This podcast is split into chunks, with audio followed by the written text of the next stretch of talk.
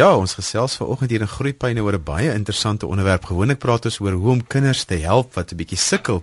Maar vandag praat ons meer oor wat dan nou gemaak met jou slim kind, soos jy gesê het. Hoe hanteer ek dit as my kind sê hy weet meer as juffrou of meneer? Jou kind vra almekaar vra en dan is dit ook meestal vra wat jy dalk nie die antwoorde op het nie want hulle dink so diep en hulle vra vir jou goed wat jy net glad nie weet nie. En wat kan ek doen om my buitengewone slim kind te stimuleer en gelukkig te hou?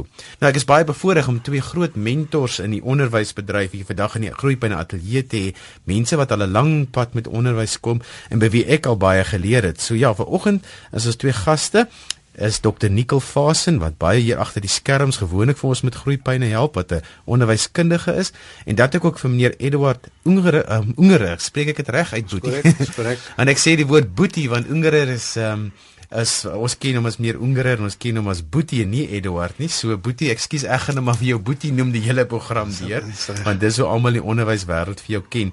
Gaan dan vir hom met ons saamgesels. Nou Boetie As ons begin, is daar iets soos slim en dom kinders? Want ek dink baie keer sê ouers, "Oeg, die kind is slim of die kind is dom."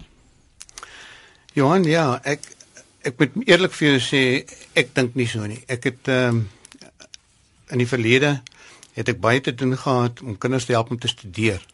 En ek het altyd vir hulle gesê daar is nie 'n ding soos 'n slim en 'n dom kind nie. As jy nie breinskade het nie, dan het jy vermoëns en dit hang af waar daai vermoëns van jou lê en tot watter mate dit ontwikkel word en of jy dit kan ontwikkel. En uh wat die verskil is wel wat 'n mens kan trek is dat kinders sekere kinders is skolars, hulle is skooliere.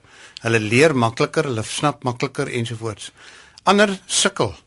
Maar mens moet besop om net die skool te gebruik as die as die medium om, om 'n kind slim of dom te noem, omdat daar nog so baie groot deel van die wêreld buite om die skool lê waar baie kinders slim vertoon of dom vertoon. Nou maar Nikkel, daar is iets soos wat ons in die ou dae genoem het begaafde kinders. Dis kinders wat buitengewoon slim is. Ek dink 'n mens moet kyk na die ehm um, konteks waarvan jy praat, jy weet. 'n Skool skep 'n bepaalde konteks waarin akademiese slimheid, jy weet, baie keer belangrik is. Die sportveld skep weer 'n ander soort konteks waarin slimheid op sportgebied 'n uh, belangrike is. So kry jy kunste, jy weet. So ek dink 'n mens moet net altyd sê as jy praat van slimheid of domheid, ehm um, jy weet wat is die konteks waar binne jy uh, daarna kyk. Uh, so inderdaad kry mense kinders wat in sekere opsigte op baie plekke beter kan presteer as ander. Ehm um, maar die geheim en ek dink ons sal baie nog hieroor praat vandag uh, is om uit te vind waar is my kind se sterkpunte en uh, die punte waar die kind minder sterk is en nie een nalat nie, nie of net die sterkpunte ontwikkel en die swakpunte maar nalat nie, maar jy weet werklik waar die kind op alle terreine probeer ontwikkel. Nou ja, soos gewoonlik kom jy vra al klaar deur op Facebook en hier's 'n interessante een wat ek dink wat aansluit by wat ons nou al begin praat dit oor. Ehm um, is 'n ouer wat skryf ons kinders, veral ons 16 jaar 16 jarige seun, is nog altyd geweldig verveeld in die skool gewees. Van verveeldheid raak hy stout in die klas en dan word hy gestraf en so word dit 'n jarelange siklus met geweldige spanning. Hulle meen hulle leer nie skool net wat hy al of hy meen hulle leer nie skool wat net hy al lankal weet. So ehm um, is hy dalk te slim vir ons skole? IQ toetse wys dat hy ver bo gemiddeld uitstyg, tog gebruik hy niks en het hy geen dryfkrag nie. So hy dink hy's in die skool en hy leer goed wat hy al lankal weet. Wie gaan daar antwoord, Boetie? ja, dis is dis nie 'n maklike saak nie, want ehm um, jy sit met die leerder in jou klas en in, in die stelsel in ons land is dat jy hulle noem dit in Amerika die age and grade lock step. Hy sit in hy klas vir 'n jaar en hy moet daar en dan moet daar wees. Die die groot ding gaan uh, hier vir my is is dat onderwysers bewus moet wees van wie daai kinders is en dat die onderwyser dan binne sy onderrig uh, breë onderrig maar ook spesifiek binne vakonderrig voorsiening moet maak uh, vir sulke leerders en dat 'n mens dan nie moet ehm um, jy weet altyd volgens die reëls werk nie maar maar geleenthede moet skep vir daai kind uh binne in die klas om sekere dinge te kan doen. En daar is veelerlei dinge wat 'n mens wat 'n mens kan doen. En ons gaan net nou 'n klompie wenke gee juis wat 'n mens kan doen. Maar boetie, daar's een ding. Elke ouma en oupa en elke pa en ma glo wat ek altyd sê, hulle kinders is resiesperde. Hulle is die vinnigste, hulle is die sterkste, hulle is die beste in goeters. Hoe weet ek dat my kind sterker in sekere goeters is as ander ander kinders?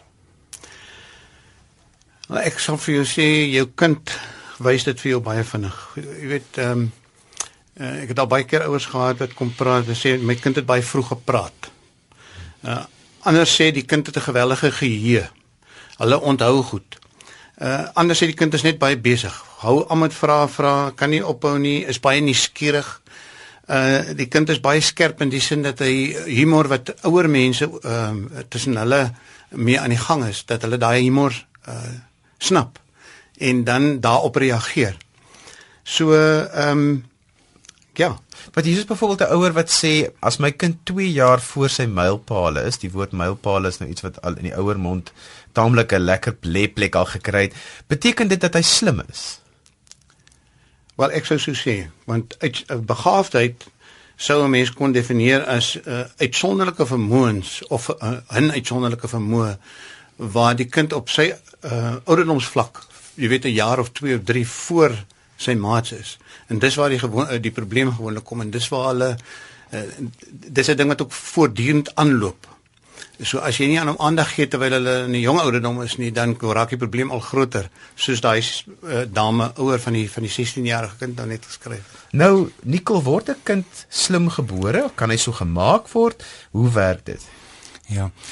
Kyk, ek moet net so 'n bietjie teruggaan want in in aansluit by wat voorheen nog gesê is nou, ehm um, slimheid, ehm uh, intelligensie is nie 'n ding nie. Dis nie iets nie. Ons raak so uh, verknog aan sogenaamde IQ punte. Uh, dis 'n ander ding van potensiaal. Party mense uh, verwesenlik potensiaal, party mense nie. So mense moet nie aan slimheid dink as iets wat jy dan nou het of nie het nie. Uh dis geleenthede, dis vermoëns, dis potensiaal. Party ehm uh, hoekom ek wou aansluit by die vorige was, die vraag was my kind is 2 jaar en sy mylpaale voor. Nou wat beteken mylpaale? Jy weet dit is maar 'n uh, dinge wat ons identifiseer wat in die algemeen voorkom in die bevolking wat onder baie kinders ehm, 'n um, mylpaal is byvoorbeeld om te sê hy kon praat teenoor 'n teen 'n sekere ouderdom 'n paar woorde sê of daai tipe van goed. Dis reg. Maar dit hang baie af van die bepaalde omstandighede. Wat is soort stimulasie die kind by die skool by die huis gehad? Het die kind een of ander dalk spraakgebrek wat neerbring na die kind, jy weet, blote fisiese gebrek het wat beteken die kind kan nie uh so vinnig praat soos wat uh, maatjies kan praat nie. So ek dink 'n mens moet baie versigtig wees om te dink jy word gebore met 'n ding en daarmee sit jy nou vir die res van jou lewe. Almal het potensiaal op verskillende gebiede. Party dan nou akademiese potensiaal wat ons nou slim noem, want daar word baie waarde daaraan in ons skoolstelsel geheg. Ekskuus. Uh ander het weer op ander uh terreine begaafdhede soos ek nou gesê het. So ons moet baie versigtig te wees, wees om te dink dit is iets wat vas staan en vir altyd net so daar is jy kry mense wat wat ehm um, ehm um, ek sal sê kognitiewe vermoëns het. Met ander woorde, hulle kan besonder goed dink. Die uh, kognisie verwys na hoe mense dan nou dink, hoe jy kom ons sê maar jou brein gebruik. Nou baie mense het 'n besondere vermoë wat wat dit betref. Ons kan nie dit ontken nie en hulle sal uitstyg binne sekere kontekste. In ander kontekste gaan hulle miskien weer misluk. Ja, ek wil 'n bietjie aansluit boetie by die vraag wat die vorige ouer gevra het oor die verveeld in die klas, want ja. Wat ek jou gebeur het mos in dat die kind is by die huis, hy maak hy jou mal met al die vrae en hy hou ons besig met hoe weet hoe baie vrae, maar in die skool lyk dit nie of hy juis vorder nie. So nou het jy hierdie ding van jy het hierdie besondere slim kind by die huis, maar in die skool wys die teendeel maar die in al die toetse sê hy's eintlik nogal oukei. Okay. Wat maak ek in so 'n geval? Dis 'n dis 'n baie moeilike ene omdat die skool as 'n kind sê maar 16 jaar oud is, het die skool al 'n sekere fondasie gelê en hy is al in, in 'n sekere patroon in. Dan word hy gewoond om in die klas te sit en en min te doen en weg te kom daarmee. En uh die enigste ding wat 'n mens daar eintlik maar kan doen is dat die onderwyser die kind moet stimuleer op een of ander uh, manier. Ehm um, ek sê altyd probeer uitvind watter vakke hierdie kind baie van hou probeer geleenthede skep binne daai vakke dat die kind nie noodwendig altyd in die klas die hele tyd hoef te sit uh en luister nie maar dat jy vir hom ander uitdagings skep. Ek meen met die moderne tegnologie met met 'n ehm um, skootrekenaars wat binne in die klasse is ensovoorts, kan jy altyd uh, geleenthede skep op daai manier om om, om kinders aan die gang te sit. Ongelukkig het dit net weer ook nadele. Ek wil net sê boetie want die wat baie keer die geval is as jou slim kind hy werk dit gou uit as ek baie vinnig werk dan um, gaan ek net ekstra werk ja. kry. So baie keer jou jou slimmer kind dink, ja. laat ek nou maar net mooi in tyd terug maak, dan's almal tevrede. Is almal gelukkig, ja. En as hulle vroeg klaar maak, dan uh, dan kry hulle nog werk. En dit is die dit kom hulle baie vinnig agter. Ja. En so hulle werk stadiger, want as hulle vinnig klaar maak, kry hulle dalk nog 5 som by, jy verstaan. So Nikos, dit is nog 'n uitdaging daai stimulasie ding, nee. Ja, maar goed, um, ek wil daarom net sê 'n mens moet ook kyk na wat die uh, verhouding tussen die ouer en die skool is. Jy weet en of die skool genoeg geleenthede vir die ouers bied om met onderwysers um, sinvol in kontak te kom en ehm um, jy weet met onderwysers te kan gesels en te verduidelik wat die bepaalde probleme met die kind is. Want daar is definitief in die geval waarvan ons nou hoor is daar definitief ook 'n klaskamer probleem dink ek 'n kind wat dalk nie volkome verstaan word nie uh onderwys wat nie op 'n uh, uh, vlak aangebied word met genoeg verskeidenheid vir al die kinders in die klas nie weet ensovoorts. Ons het nou al heelwat gepraat oor wat is begaafde kinders en weet hoe weet hoe ken ek dit uit as my kind begaafd is of dalk 'n bietjie slimmer is as die res. Maar nikkel een van die dinge is dat 'n begaafde kind vra baie vrae en hulle vra almekaar vra en dit kan jou nogal teen die mure uitdryf. Wat is jou gedagtes rondom dit? Kyk Johan, voordat ek nou jou vraag beantwoord, het ek ook nou nog 'n vraag en dit is ek het vir ons nie jou vraag oor blootstelling beantwoord nie. Nou hoekom het ek nie jou vraag oor blootstelling beantwoord nie? Ja, natuurlik is blootstelling baie belangrik en ek dink vir die ouer wat voel dat die kind verveeld is op skool, is daar miskien soek 'n uitdaging om vir die kind dan, jy weet, uh, geleenthede te gee om konserte, musiekkonserte by te woon, jy weet, um, museums toe te gaan, kunsmuseums, uitstallings ensovoorts. Ek wil nie verder praat nie. Ek dink Boetie kan heelwat nog daaroor sê oor geleenthede wat mense op skool miskien beter kan kan benut. Die kern vir my is ehm um, die verhouding tussen ouer en skool. Goed, nou uh, wat is nou weer die vraag wat jy Die vraag is oor oor wat is die vraag nee, as 'n kind almekaar vra? Goed, as die kind almekaar as die kind almekaar vra vra. Ehm um, dit is miskien belangrik vir die ouer om om baie baie goed aandag daaraan te gee. En miskien net 'n bietjie te probeer dink Wat is die rede waarom die kind die vrae vra, jy weet? Is die kind net lastig? Soek die kind aandag? Uh, gee ek nie genoeg aandag aan die kind nie as ek met die kind buite in die in die um, in die in die tuin of in die straat gaan bal speel, gaan die kind se vra wat die kind vra bloot om aandag te trek, nie dalk verminder nie. Nou as dit so, nou net mm. is om bloot om aandag te trek. Ja. Wat doen ek dan? Ek dink dan uh, beteken dit jy as ouer gee waarskynlik te min aandag aan jou kind, jy weet?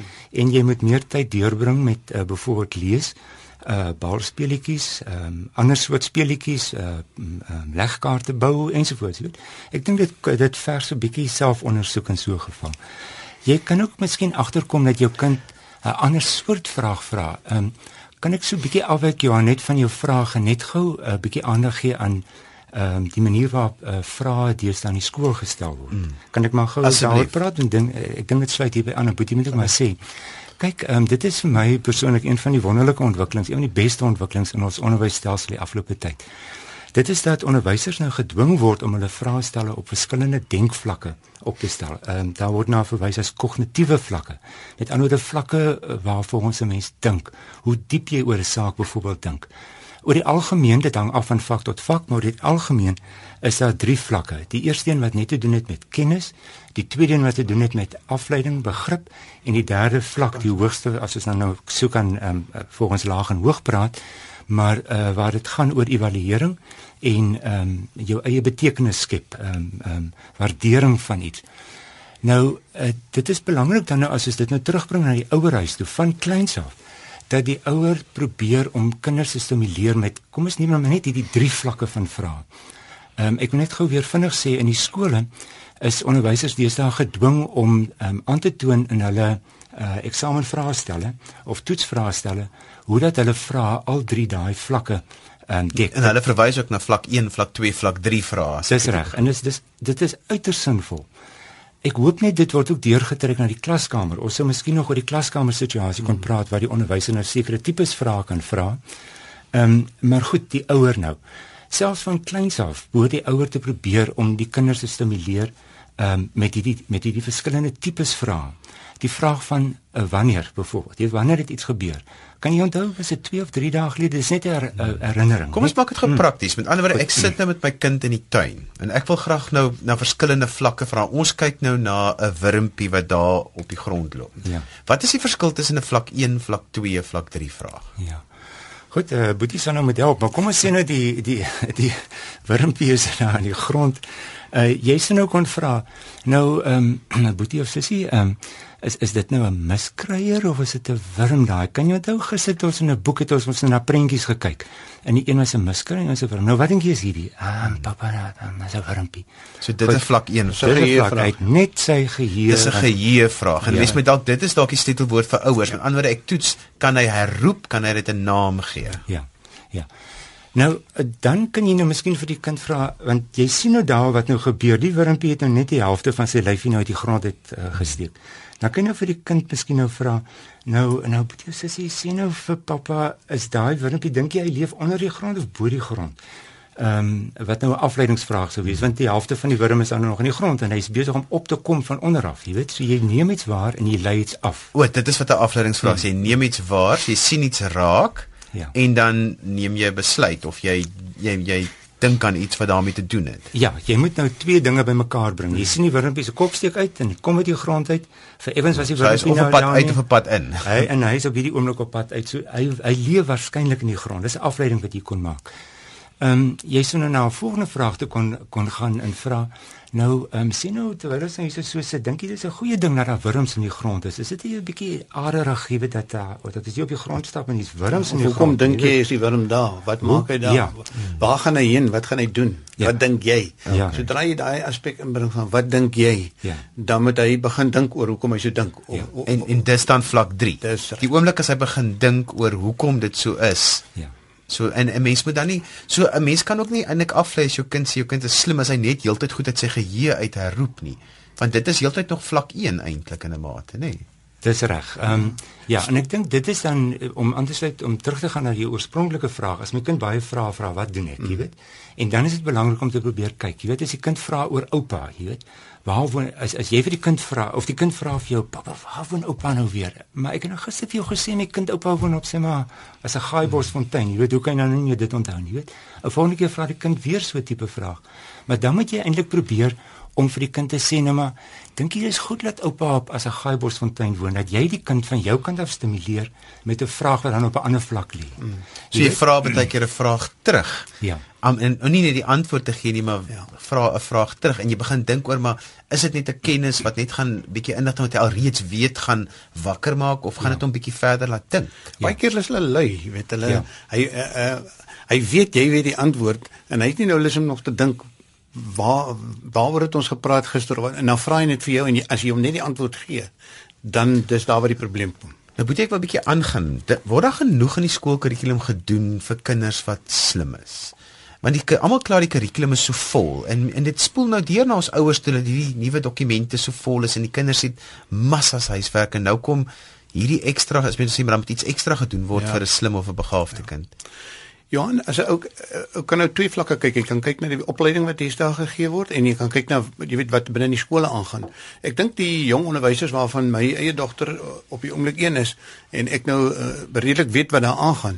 Jy weet is is hulle baie ernstig oor die hele kwessie van van uh gedifferensieerde onderwys. Aan die ander woorde sorg dat jy op verskillende vlakke uh sorg dat jy weet dat daar altyd leerders op verskillende vlakke voor jou sit en dat jy ook aan die sterk kinders aandag gee en aan die swakkes. Maar dis nou by volgende vraagpunt. Ekskuus ek in die rede val daar want ek wil dit jy sê. Hoe benader ek dit dan met my kind se onderwyser? As ek voel daar word nie aandag gegee aan die kinders ja. wat sukkel in die klas en my kind wat sterk is, het mos nou net soveel aandag nodig, maar nou hulle is amper glip ja. amper vir my deur. Dis 'n dis baie sensitief. In die sin dat ouers is bang om om om die skool te nader in daai verband vind. Hoe gaan sê jy nou vir iemand ek voel my kind is ja. slimmer as die ander hy, hy hy soek meer aandag, jy weet. Maar die die feit bly staan, ek dink jou, jou goeie skoolhoofde en jou en jou goeie skole wat wat regtig omsien na die na die breë skoolgemeenskap is altyd gereed om 'n gesprek met 'n ouer aan te knoop en ek sal ouers aanbeveel om so sodra hulle dit agterkom veral ook ouppies wat wat in die skool toon hy het meer potensiaal maar hy raak vervelig of hy sien lus om skool toe te gaan nie.